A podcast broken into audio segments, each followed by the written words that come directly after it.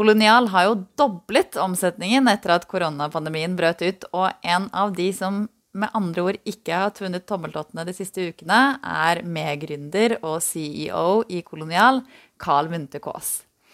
Han har vi snakket med, og han forteller om de siste ukene, ideen bak Kolonial, og hvorfor de har lykkes. Og klarer du allerede nå å tippe hvilke varer vi har kjøpt mer av under pandemien? Svaret kommer mot slutten av episoden. God lytt!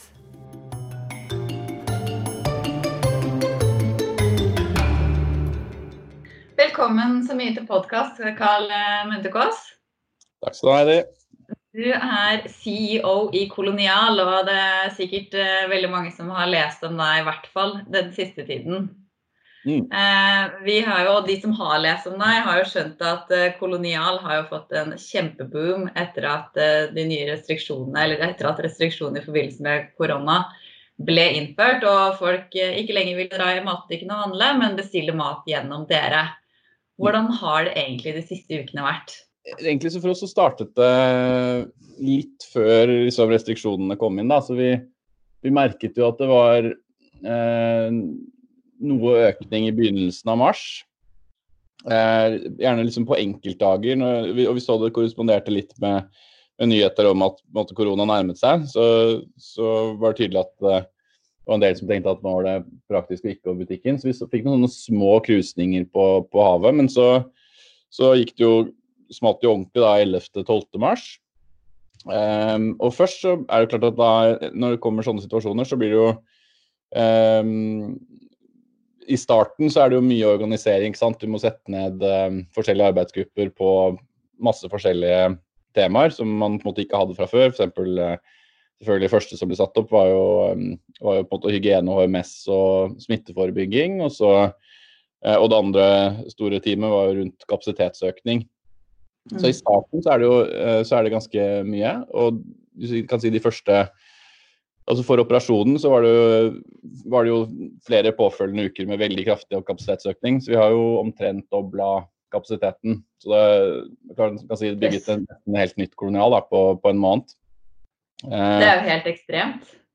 Ja, nei, så det er mye. Det er også, kan si at nå var vi jo Vi var i veldig kraftig vekst før korona også. slik at det, det, lå jo, det lå jo planene der lå jo klare da, for hvordan man skulle øke kapasiteten. Så sånn sett så, så var det fint at vi hadde det fra før. Men um, det var jo på en måte å, å, implementere de tiltakene. Og så er det jo så er det mye som blir litt annerledes også, fordi at uh, folk um, altså Det er på en måte så, som dere så, da, så I starten så bygget det seg opp en veldig det vi kaller backlog, da, som egentlig er at uh, dagene framover i tid fylles opp.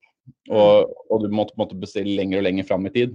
Og det, det bygger seg jo opp en stund. og så og så dannes det en slags likevekt, da, fordi på et eller annet tidspunkt så er det sånn at det er ganske upraktisk for folk å bestille en uke fram i tid. Så da, så da, da dempes jo etterspørselen av det.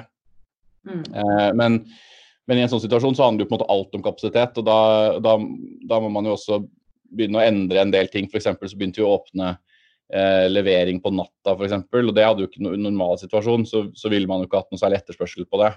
Men, eh, men nå var det på en måte såpass såpass mye at, um, at folk, uh, folk, heller gjorde det enn å på en måte ikke bestille. Så en del sånne ting man gjorde da, for å få opp kapasiteten. Og så, men så, altså, så er det jo altså, etter si de første tre-fire ukene, så, så, eh, så kan du si mer sånn de siste par ukene, så har det jo vært mer sånn at de, de prosessene er, er, blitt litt den nye normalen, ikke sant. Um, så da, da, blir det mer å på en måte prøve å fange, fange løse baller da, og, og bare passe på at ting går, går, som det skal. Så nå er det roligere. Ja, for jeg husker det, jeg, Etter at vi fikk beskjed om å, å ta hjemmekontor da, den 12. mars, så, så, la jeg også inn en bestilling på Kolonial. For jeg tenkte ja, ja, dette er jo praktisk. Eh, og da var det jo ganske mange dager med ventetid. Mm, og så mm. gjorde vi det et par uker, og så begynte jeg å tenke sånn er det ikke litt feil at jeg bestiller på Kolonial eh, og tar opp plassen til de som er i sårbare grupper og i isolasjon eller i karantene fordi de har vært i utlandet? Og så bestemte vi oss ja, da må vi handle på butikken. Har du fått noen tilbakemeldinger på det? At det er sånn, dette er forbeholdt de mer sårbare eller de vanskeligstilte? Nei, altså det blir på en måte vi skulle vi, skulle vi prøvd å, Det ville vært veldig vanskelig å begrense det på noen praktisk mm. måte. egentlig. Fordi, altså, du, det er klart du kunne kommet med oppfordringer, da. ikke sant? Mm. Um, men, men um, vi, vi, tenkte bare at uh, hver altså, viktigste var bare å få opp kapasiteten. Hver person som ikke går i butikken, det er en person som blir som mindre sannsynlighet for å bli smittet. Og hvis de skulle være syke, så er det mindre sannsynlighet for den personen da, eller null sannsynlighet da, for at den personen smitter noen andre. Så så vi fokuserte bare på kapasitet. Jeg vet at det var andre selskaper rundt ting som gjorde forskjellige ting. Noen, noen prøvde å, å, å, på en måte skape noe plass for tidligere eksisterende lojale kunder og sånn, men vi, vi, tenkte bare at vi, vi blander oss liksom ikke inn i det. Vi, vi bare makser ut kapasiteten, og så, og så, får det på en måte bli den fordelingen som det blir. Men det vi gjorde eh, Fordi vi tenkte på det at eh, det var Altså, hvis du var koronafast da, eh, og i verste fall koronasyk på, på Østlandet, så var det jo ingen nett, nettjenester som hadde eh, kapasitet. Eh, all, all, alle hadde jo en uke leveringstid. Um, så da lagde vi jo da lagde vi en, en sånn matkasse, ferdigkasseløsning. Mm. Og det, det, er jo fordi at um, du kan si vi gjorde, jo, vi gjorde jo utgangspunktet alt vi kunne for å få opp kapasiteten på hovedproduktet. Men det er vanskelig å skalere utover det lageret vårt klarer å, eh, klarer å pumpe ut. Da. Når du, til slutt så når du en, en absolutt, et absolutt tak. Eh, så for å få noe eh, kapasitet utover det, så, så, tar det for lang tid å bygge opp helt ny, et, helt, et, helt, nytt lager. Men det du kan gjøre, som er ganske enkelt, det er å bare sette på mm, Altså bare lage pakker, da. Med, hvor, altså, hvor, kunden ikke kan velge egentlig hvilke varer, men du setter sammen en pakke med lunsjmat og juice og brød og fire middager f.eks. Og, så, og da, kan, da, da, da kan vi ta de favorittene av de middagene som vi har. Taco fredag og fiskeburger og lasagne og ting som du liksom vet treffer hos de fleste. da. Sette sammen en sånn kasse. Eh, og det operasjonelt så er det ganske fort gjort. Eh, så det gjorde vi jo da. Så da og det var jo for å ha altså, Så vi hadde alltid ett tilbud. Eh, du kunne få mat dagen etter. Eh, men da måtte det være, måtte det være disse ferdigkassene. Og det, mm. det, satte vi jo opp den første helgen, eh, altså etter 12. mars. Da, så var det vel to, to, dager etter så bestemte vi oss for å gjøre det, og to dager etter det så var det lansert. Eh, og det hadde ja. hele tiden kapasitet. Så, så du kan si eh, det, var, det var alltid en mulighet til å få mat. da. Du ville ikke få akkurat de middagene eller akkurat den maten du var vant til å spise, men du ville få en kasse med mat. Du kunne jo velge da mellom et par kasser middager og et par sånn standardkasser. Da. Men med økt kapasitet så regner jeg med at dere også måtte ansette litt flere arbeidstakere hos dere. Og det har jo gått noen eh, historier på nyhetene om at dere tok inn permitterte fra andre bedrifter og bransjer. Kan ikke du fortelle litt om hvordan det fungerte, og hvor mange dere faktisk er som jobber på Kolonial i dag? Hvis, du med, hvis du tar med rubbel og bit, altså med sjåfører og alt, så er det vel en sånn 700 eller noe sånt nå. Eh, 700 pluss. Vi tok inn eh, tok inn godt over 200 nye ansatte.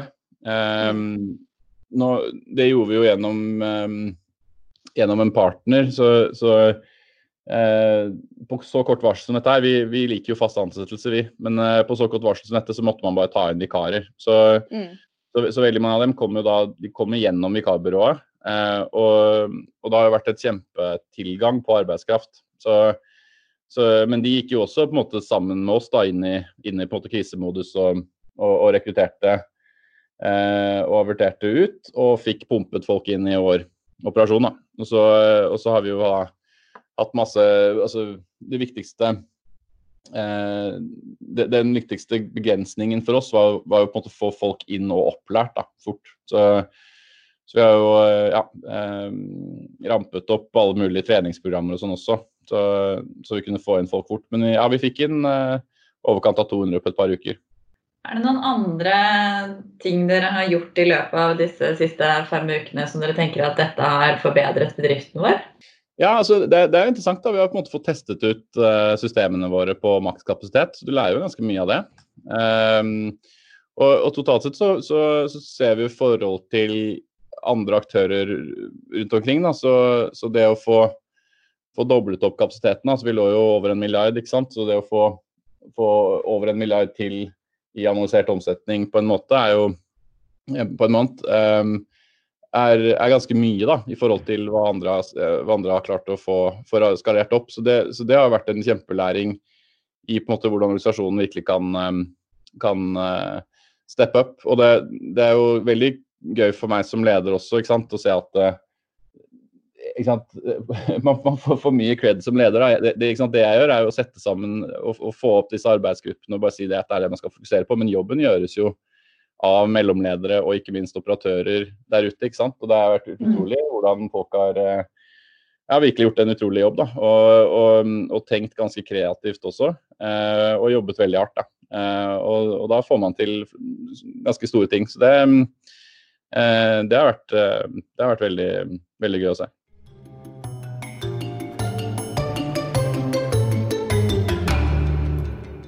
Tenker litt at Vi skal se på, på fra litt mer fra starten av, eh, ikke kun i koronatider. Hvor kom ideen til Kolonial fra? Nei, altså, Dagligvarer på nett er jo ikke noen ny idé. Så det, det tror jeg det er, sånn, det er typisk sånn gründerspørsmål, eh, så det er veldig bra at du stiller det. for det er, altså, ja, Med, med store selskaper er hvor, hvor kom ideen fra? Altså, ideen, nei, ideen var jo egentlig bare at eh, man så at dagligvare på nett begynte å bli ganske stort i utlandet. Eh, og var nesten ikke-eksisterende i Norge. Og man si alle, alle andre parametere, sånn som måte, demografi, at både eh, måte, kvinner og menn jobber, eh, at vi er digitalt avanserte, alle de tingene der eh, taler jo for at Norge skal ha en veldig høy eh, nettandel, egentlig. Eh, men så har det vært veldig, veldig lite interesse blant de store aktørene å gjøre noe på det. Og, og vi har skapt et ganske stort rom. Da. Så i, dette var jo tilbake i 2011 at vi begynte å se på dette. her. Um, og, da, og, da, så man at Dagbladet på nett var stort i UK, og, og, tenkte på at dette her er helt åpenbart at man burde ha fått til Norge. Og så, og så det, altså Først og fremst, det som er eh, altså, det som er på en måte vanskelig med Dagbladet på nett, da, man ser at det er veldig mange som har feilet på det. ikke sant? Det er, jo, mm. det, det er jo, ikke eh, så det er jo på en måte, det er åpenbart ikke nok å bare tenke at nei, dagligvarer på nett det er en god idé. liksom. Folk, folk, har lyst til å kjøpe mat på nett. Det, det, er ikke i nærheten av nok til å på en måte lykkes med det. Eh, så ideen er ikke egentlig så viktig. Det som er viktig, er utføringen. ikke sant? Og eh, så kan si det, Jeg vil si at ideen var vel mer det at uh, dagligvarer på nett er noe folk vil ha. Det er en kjempestor mulighet her til å effektivisere hele verdikjeden. slik at uh, klarer å produsere, du klarer å få matvarer fra produsent og helt til kunde med lavere kost enn butikk. Og da skaper du selvfølgelig veldig mye kundeverdi fordi kunden har sluppet over butikken. Det, den, det, var på en måte en fundamental tanke som har ligget der hele tiden. Og så kan du si at ideen var det at altså Min bakgrunn er, er egentlig operations og på en måte fabrikkdrift. Da, og det man egentlig gjør med dagligvarer på nett, er å ta prosesser som er på en måte desentralisert i butikker, og så setter du et industrielt miljø. Og det det er mer til felles med altså Kolonial.no har mer til felles med si, svensk bilindustri, sånn operasjonsmessig, enn det egentlig har med butikkdrift. Mm. Så du kan si Ideen var å applisere den type metodikk, da, operasjonstankegang, eh, på dagligvare. Um, og det, det har vi, vi har alltid vært og dette er jo selvfølgelig da teknologidrevet. da, ikke sant? Så all operasjon og sånt nå, så er teknologi eh, et utrolig viktig komponent. Både hardware og software.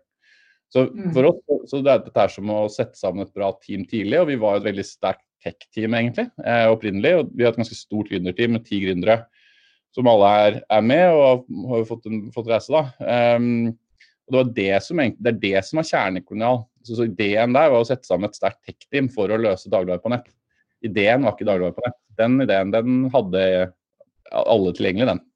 Mm. Ja, det var vel allerede også noen som hadde tatt tak i den i Norge når dere kom på markedet. Eh, ja. Og så har jo flere av disse falt fra og gått konkurs i etterkant. Så det er noe, kanskje noe med det, i hvert fall når man har testet ut disse kassene, at man sørger for at det er enkelt nok, og at man har den samme valgfriheten som i butikkene. Og så vet man jo da ved sånn pristester som gjøres jevnlig, at det heller ikke er noe dyrere enn å handle på Rema 1000. jeg tror at, dette her var avtalt spill, men uh, du har jo selvfølgelig hele. Um, ja. ja, ja, jeg rur og smisker nå. Kanskje vi kan få litt sånn gratis sånne kupong. Nei da. Hva tjener dere penger på? Fordi Rema 1000 dumper vel ikke prisene som når de selger videre til dere. Så noe må dere sitte igjen med. Hvor mye avanse er det dere sitter igjen med?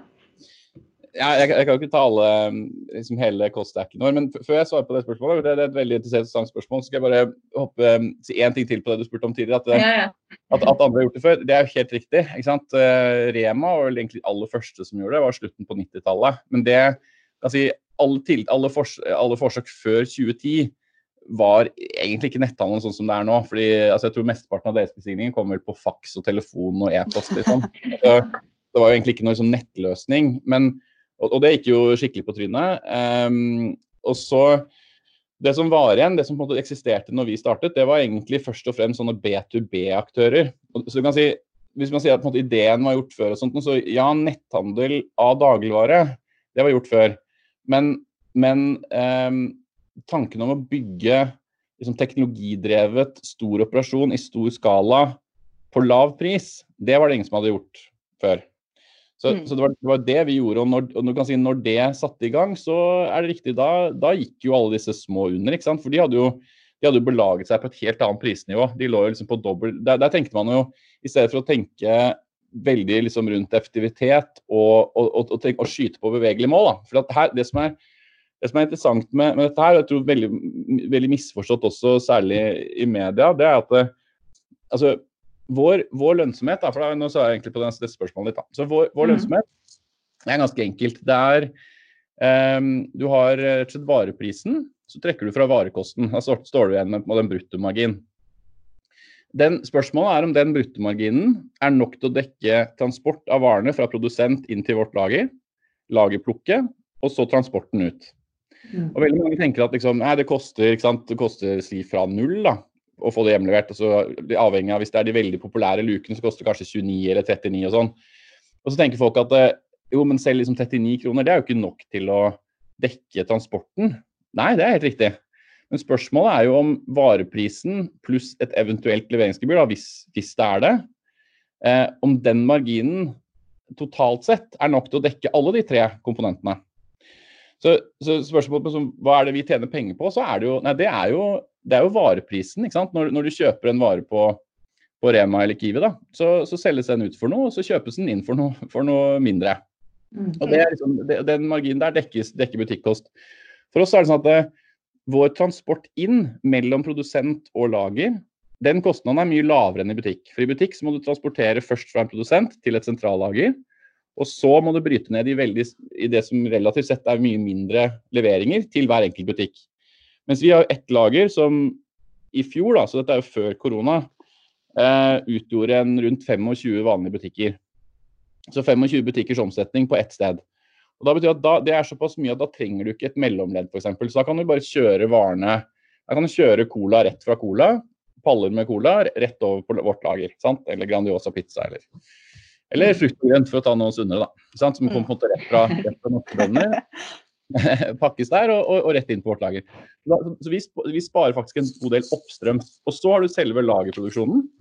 Og den, den, den, er veldig forskjellig. ikke sant? Vi har jo ingen som sitter i kassa. Eh, når vi driver varepåfylling, så fyller vi på, på en måte paller omtrent av gangen, ikke på en måte én og én eske. Eh, men så gjør vi da plukket, da, ikke sant? I, stedet for, I stedet for å sitte i kassa. Men jeg kan si at våre plukkere de plukker flere varer i timen enn det en person i kassa sitter og skanner varer. Så, så, så åpenbart på lag, så selv vår lagerdrift, da, når du har så mye omsetning på et mye mindre område, eh, og såpass effektiv drift, så, så, er den kostnaden lavere enn butikken. Så oppstrøm sparer vi penger, på lageret sparer vi penger. Men så har vi da utleveringsdelen som butikken ikke har. De, men de besparelsene i de to leddene før det er nok til å dekke det. Det er liksom det enkle poenget. Og, og, så kan man eksempel sånne ting som eh, svinn. da.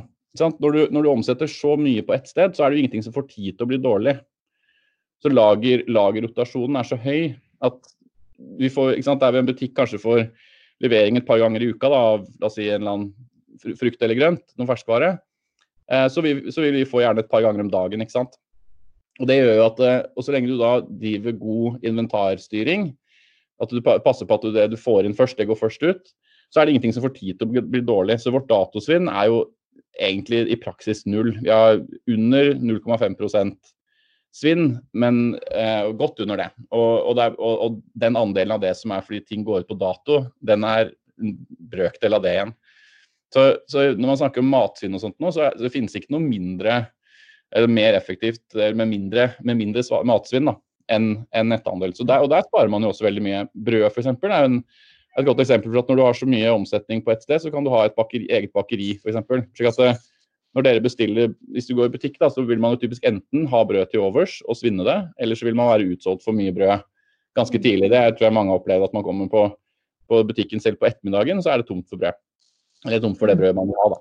Eh, mens, mens når, når, du i stedet har et eget bakeri, så produserer du jo bare akkurat den brød, det, det brødet som du har fått bestilt. ikke sant? Så du har jo null svinn på brød, f.eks.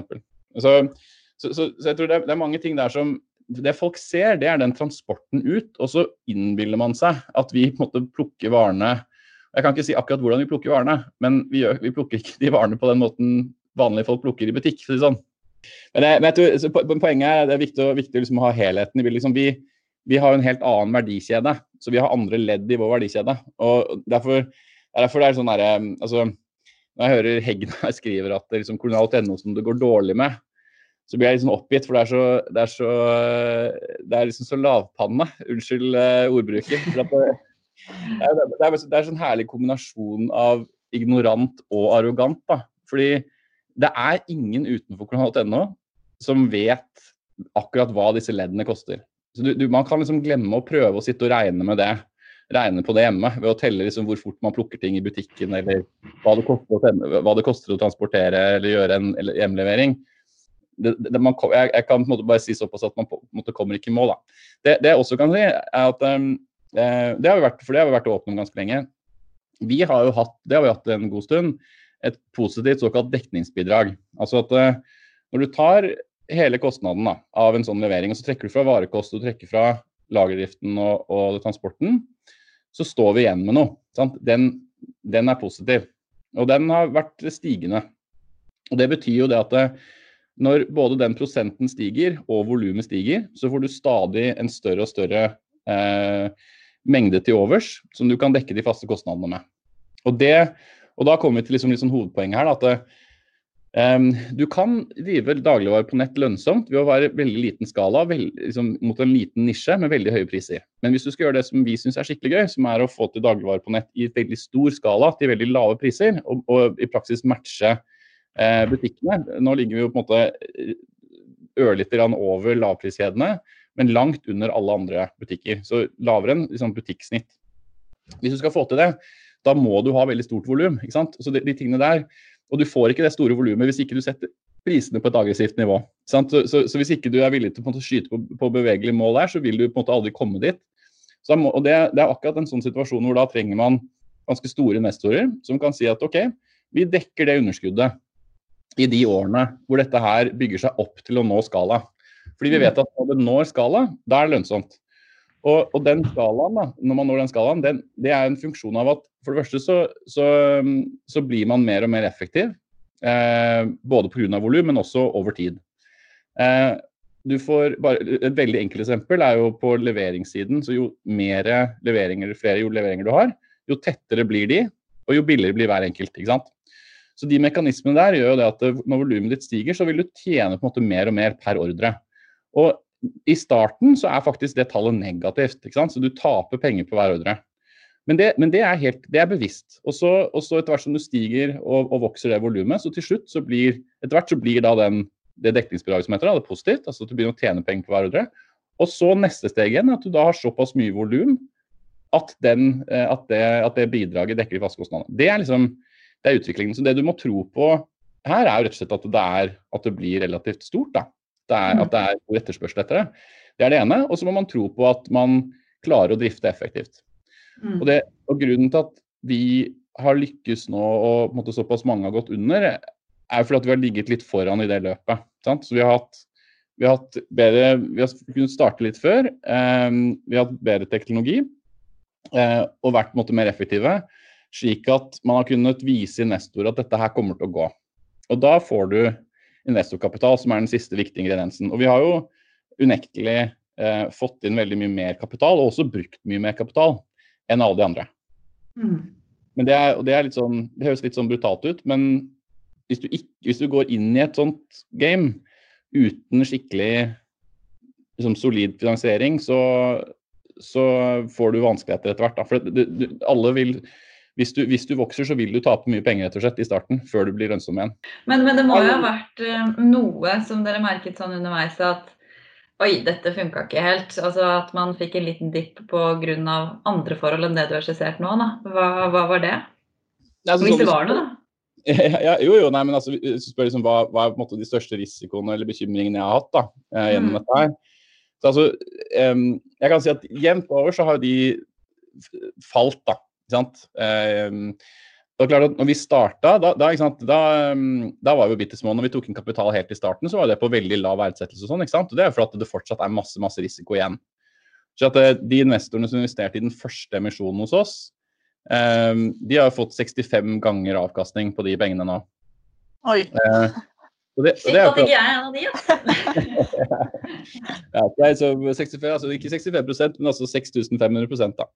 Mm. Og, det, det, og, det, er jo fordi at det, det, reflekterer jo nettopp at selvfølgelig var ting veldig usikkert da. For da, da kan du tenke at det var det da var det, Først så måtte man jo Vi var jo liksom et unproven team, ikke sant. Så man kunne ikke vite for sikkert at vi kom til å lykkes. Um, så da, da, masse masse usikkerhet, men veldig mye rundt på en måte, execution. Og så er jo nettopp det som er jobben til et gründerselskap, det er jo å prøve å ta vekk disse risikoene ikke sant, én for én. Og veldig tidlig så kunne vi f.eks. si at det er, veldig, det er veldig åpenbart her at etterspørselen neppe blir et problem. Folk var liksom, selv med veldig tidlige days, når vi hadde kjempedårlig utvalg og relativt høye priser, um, så, så, var det likevel veldig stikke kunder. Sant? Så det, det, sier noe om at uh, når man etter hvert markedsfører her, så kommer, så kommer etterspørselen til å, til å, gå opp.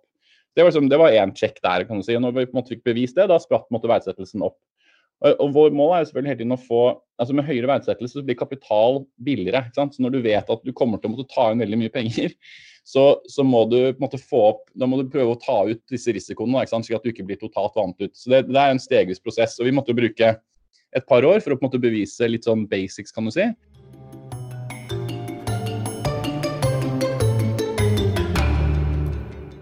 Nå um, tenker jeg vi må gå litt over til, eller litt tilbake til ja. måte, deg som, uh, som gründer. For vi vil jo gjerne at lytterne våre skal få med oss noen tips uh, til på en måte, sine tilværelser. Og du har jo tidligere sagt at Lean Startup er favorittboka di. Så hva er egentlig dine beste tips til uh, aspirerende gründere? Ja, det, er, det, er, det, er, jo litt sånn, det er jo ikke akkurat skjønnlitteratur. det er jo ikke en bok man liksom leser mange ganger, sånn, kanskje, men jeg kan si det er, det er favorittboken min for at det har vært den boka som har vært viktigst. da, kan du si. Um, det, det, den dreier seg om, det er egentlig akkurat, den, den var helt avgjørende de første par årene av Coronal.no. Eh, det Lean Startup går ut på, det er egentlig litt det jeg sa i stad rundt det at eh, den er ganske den er, den er um, ganske presis på at du må, uh, du må fjerne på de største risikoene. Sant? Tenk at uh, I starten så, så, så, er det avgjørende å vise verdi. Å vise verdi i Lean Startup det gjør du typisk gjennom å på en måte demonstrere med eksperimenter. Da. Eh, mm. Eh, hvis den største utfordringen, hvis den største um, usikkerheten da, er om det for finnes et marked for produktet ditt, som vanligvis i veldig mange startups, startuper er, er, den egentlige sanne usikkerheten, eh, så, så, på en måte er Lean Startup ganske sånn kreativ i på en måte å tenke hvordan, hvordan er det du egentlig kan få bevist det? Trenger du å bygge hele produktet og hele systemet før du får bevist det, f.eks.? I, i kolonialtilfellet så, så, var jo ikke egentlig det eh, det store spørsmålet. Men i stedet var det mer hvordan får du bevist verdi eh, overfor investorene, slik at du kan ta inn mer kapital eh, og, og, så utvikle eh, tjenesten, for det, fordi vi visste det var veldig kapitaltungt. Um, og Egentlig så var Lean Startup viktig de første par årene, og også de par årene før vi faktisk stiftet selskapet. fordi Vi tenkte egentlig å bygge det veldig stort fra starten av, men, men innså at det det ville ikke være som kapitaleffektivt nok. og Derfor så tenkte vi i stedet helt omvendt og sa hva er det egentlig den minste investeringen, minste liksom, trappetrinnet da, for å på en måte komme i gang. Og da så vi at nei, det er jo bare å skaffe et lite lager, noen hyller, og så på en måte bare begynne. da. Eh, mm. Og da, jeg tror vi, Opprinnelig så skulle vi hente 60 millioner, husker jeg. Det var liksom før, kan si, før Linn startet. Så, så, mens når vi faktisk startet, så startet vi med 1 million. Det var liksom første investeringen var 1 million. Og så de første to årene så har vi reist til 7 millioner totalt. Det er jo veldig, veldig lite. Men så etter de to årene, så fra på en måte 2015 utover, så har vi jo tatt inn flere hundre millioner. Men så de, de, første 7 millionene, hvordan, liksom, hvordan vi fikk opp da, selskapsverdien fra null da, til 200 millioner på de første syv, det var på mange måter nøkkelen til kommunal.no. Så, altså, mm. når man, når man fikk, fikk, vist mye verdi relativt billig, så kunne man få opp verdien, så kunne man ta inn mer, mer kapital. Derfor, derfor, lykkes vi. Og det er veldig forskjellig. Marked.no f.eks. de tok inn 100 millioner på dag én. Eh, men fikk på en måte ikke Men resultatet ble at man brant veldig mye mer i starten. da. Og så mistet investorene tillit. Og da er det jo, hvis investorene mister tillit, så er det jo over med en gang. Men jeg leste jo at uh, en tredjedel av nordmenn handler nå matvarer på nett. Hva, mm. hva, er målet deres? Er det, er det 100% Er det world domination? world domination. Nei, um, altså, eh, det er nok altså, riktig at en tredjedel av nordmenn måte, handler eller har handlet på nett, men, men altså, markedsandelen for dagligvarer på nett den er fortsatt uh, under 2% så, så, veldig lite av det totale volumet går ennå gjennom dagligvarer på nett. Det som, mm. det, men det vi tror, er jo at det tallet selvfølgelig kommer til å øke. Eh, den er jo en 8-9 i Storbritannia nå. Den er 20% i Sør-Korea. Eh, og kan si, om vi kommer så opp til 10, da. La oss si at den norske markedsandelen på en måte konvergerer mot den britiske over de neste si fem-ti årene. Så, så, så, er det 20 milliarder. Sant? Og vi omsatte for 1 milliard i fjor. Litt over 1 million, 1,1.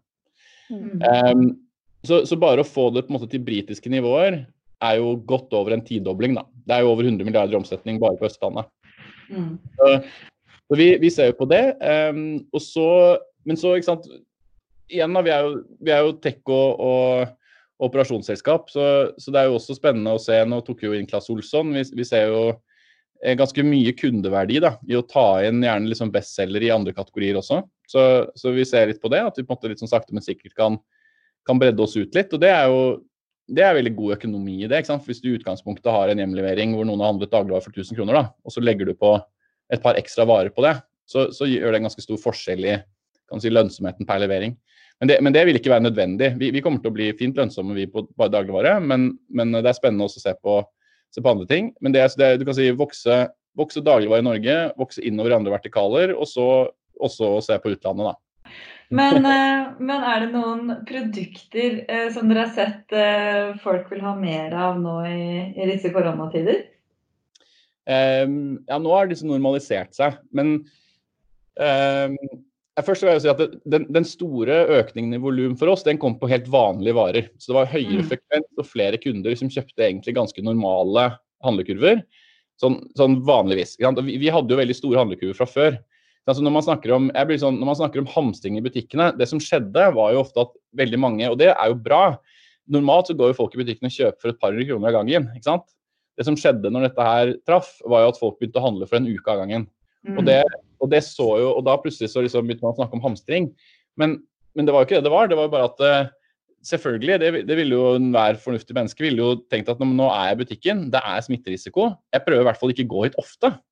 Mm. Um, så, så, jeg er litt Jeg liksom følte at jeg ble ikke helt sånn i harnisk liksom over det. Um, men, uh, men, så var det selvfølgelig, da, så, så, så, hadde man jo de da som sant, tok fem pakker, maxipakker med doruller og alle yorkakakene i hylla og sånn. Det, det er, er, og som sitter igjen nå med masse hermetikk. ja, så det, de, kan kose seg nå med alle yorkakakene. Men, men, eh, men jeg tenker liksom altså det var jo unntakene, da. ikke sant? Den, mm. det, og det, det, så vi veldig tydelig i våre tall. Det vi så, var en kraftig, kraftig switch av vanlige folk som hadde vanlige, store handlekurver, eh, og som kjøpte dem på nett. Og så, og så, hadde du noen kategorier som vanligvis selger ganske lite, som da fikk sånn der, litt sånn sensasjonelle eh, liksom salgstall, f.eks. gjær. ikke sant?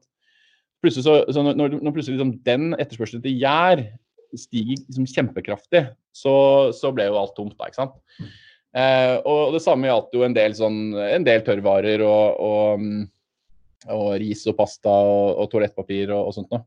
Men, men, eh, men eh, vi bruker jo ikke noe mer toalettpapir enn normalt i landet. Så, så det, jo, det, ga jo egentlig bare litt sånn derre host og hark da, i, i logistikkjeden. Og, og, med en gang folk fikk kjøpt det de skulle, og leverandørene jobbet litt, litt overtid, og lastebilsjåførene jobbet litt overtid for å liksom få, få, få fylt det på igjen. Og det, var, det, skal ikke si at det ikke var hektisk, altså, for det var det jo. Men, men eh, så, så, gikk det jo greit. Men vår sånn totale, vi måler jo vår totale leveringsgrad. Da, og det, normalt så får man jo, sant, Hvis du bestiller, så vil du få langt over 99 da, sant, av det du bestiller. Fra oss vil du få utlevert. Mm.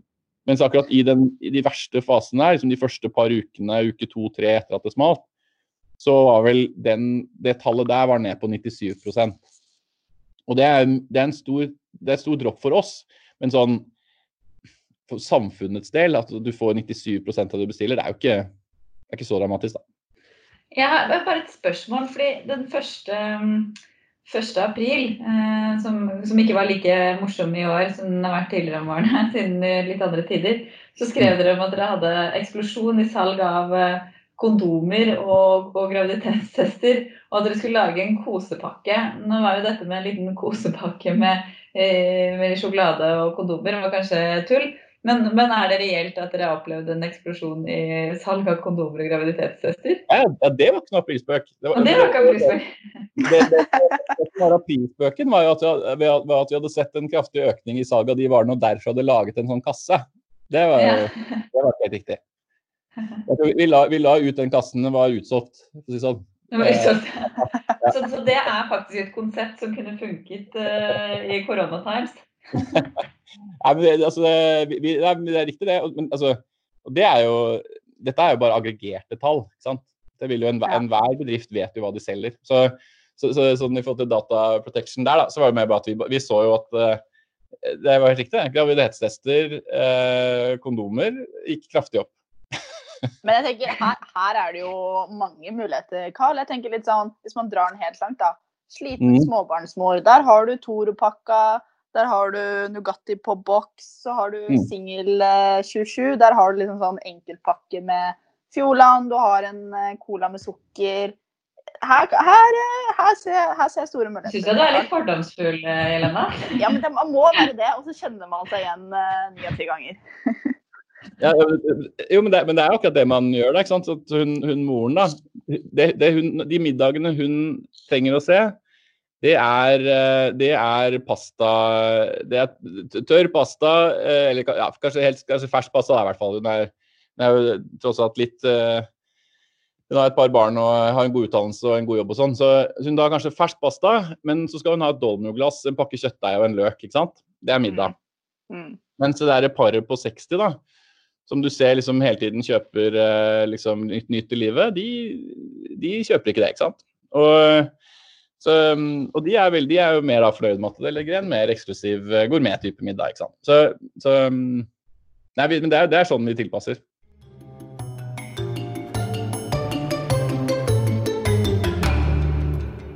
Hvis du bare skal runde av, da, så tenker jeg å runde av litt sånn lystig. Eh, har, nå har du jo kommet ganske dypt inn i dagligvarebransjen og det å være gründer. Eh, men har du noen sånne fun facts om, om den bransjen som du har vært i noen år nå? Fun facts. Noe man kan ta med seg eh, på neste ja, Kanskje ikke middagsselskap, men digitale, digitale fredagspils? Eller om, eh, om kolonial er også greit. Uh, må jeg tenke. Jo, jo, jo. jo da. Jeg kan fortelle noe. Det er, en del morsomme morsomt uh, altså i, i starten, når, når, vi, når vi starta, da, da, gjorde vi mye, mye rart. Eh, for eksempel så, så hadde, Vi hadde ikke noe særlig inventarkontroll. slik at eh, hver eneste dag så var det alltid en ganske stor liste med, med, varer som kunden hadde kjøpt av oss, som vi hadde lagt ut på, liksom, som lå tilgjengelig i butikken, som vi ikke hadde. Og Det, det, det førte jo til eh, det vi pleide å kalle mankohandling, som, eh, som på en måte hele gründerteamet måtte gjøre hver dag. Og Det var å løpe rundt i, i Oslo og, og, finne de varene vi manglet. Og Spesielt én ting da, var at eh, bleier er så utrolig subsidiert. At, eh, og vi hadde så lite penger, så, så, regelen var at hver eneste gang noen av oss som jobbet i kolonial.no var i en butikk, så skulle vi kjøpe det maksimale antall bleiepakker vi kunne.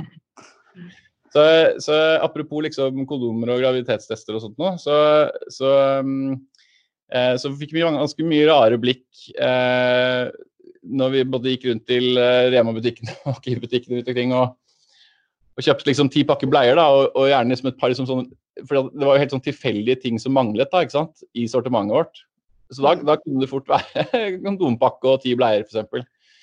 Eh, hvis du satt i kassa da og skulle prøve å skjønne hvem vi var, så tror jeg, hadde, så tror jeg det, hadde blitt en vanskelig øvelse. da, fordi det var, det, var, det var, alltid en helt sånn tilfeldig blanding av varer og masse bleier. så, så det bildet jeg har hatt om at noen da går rundt med en handlevogn og handler tingene jeg skal ha fra lageret deres, det, det stemte for noen, for noen år siden, riktignok. Ja, det, det stemte for liksom fem-seks år siden. men, det, men, det, var jo sånn nyhetssaker om at bleie var så billig i Norge at det var jo mange utenlandske statsborgere som var på ferie, eller som var arbeidsinnvandrere hit som kjøpte bleie, men det var jo kanskje bare dere. ja, ikke sant. Eh, jeg tror, det var sikkert begge, tror jeg. For det var riktig, ja. det. Det var jo Bleie kostet jo gjerne liksom halvparten i butikken av det man kjøpte det inn for. Ja, det, det, det var faktisk en fun fact. Tusen takk for at du tok deg tid til å prate med oss i en travel eh, arbeidshverdag. Bare hyggelig. Dette er en podkast produsert av Ekona, og vi blir veldig glade om du gir oss god rating i iTunes.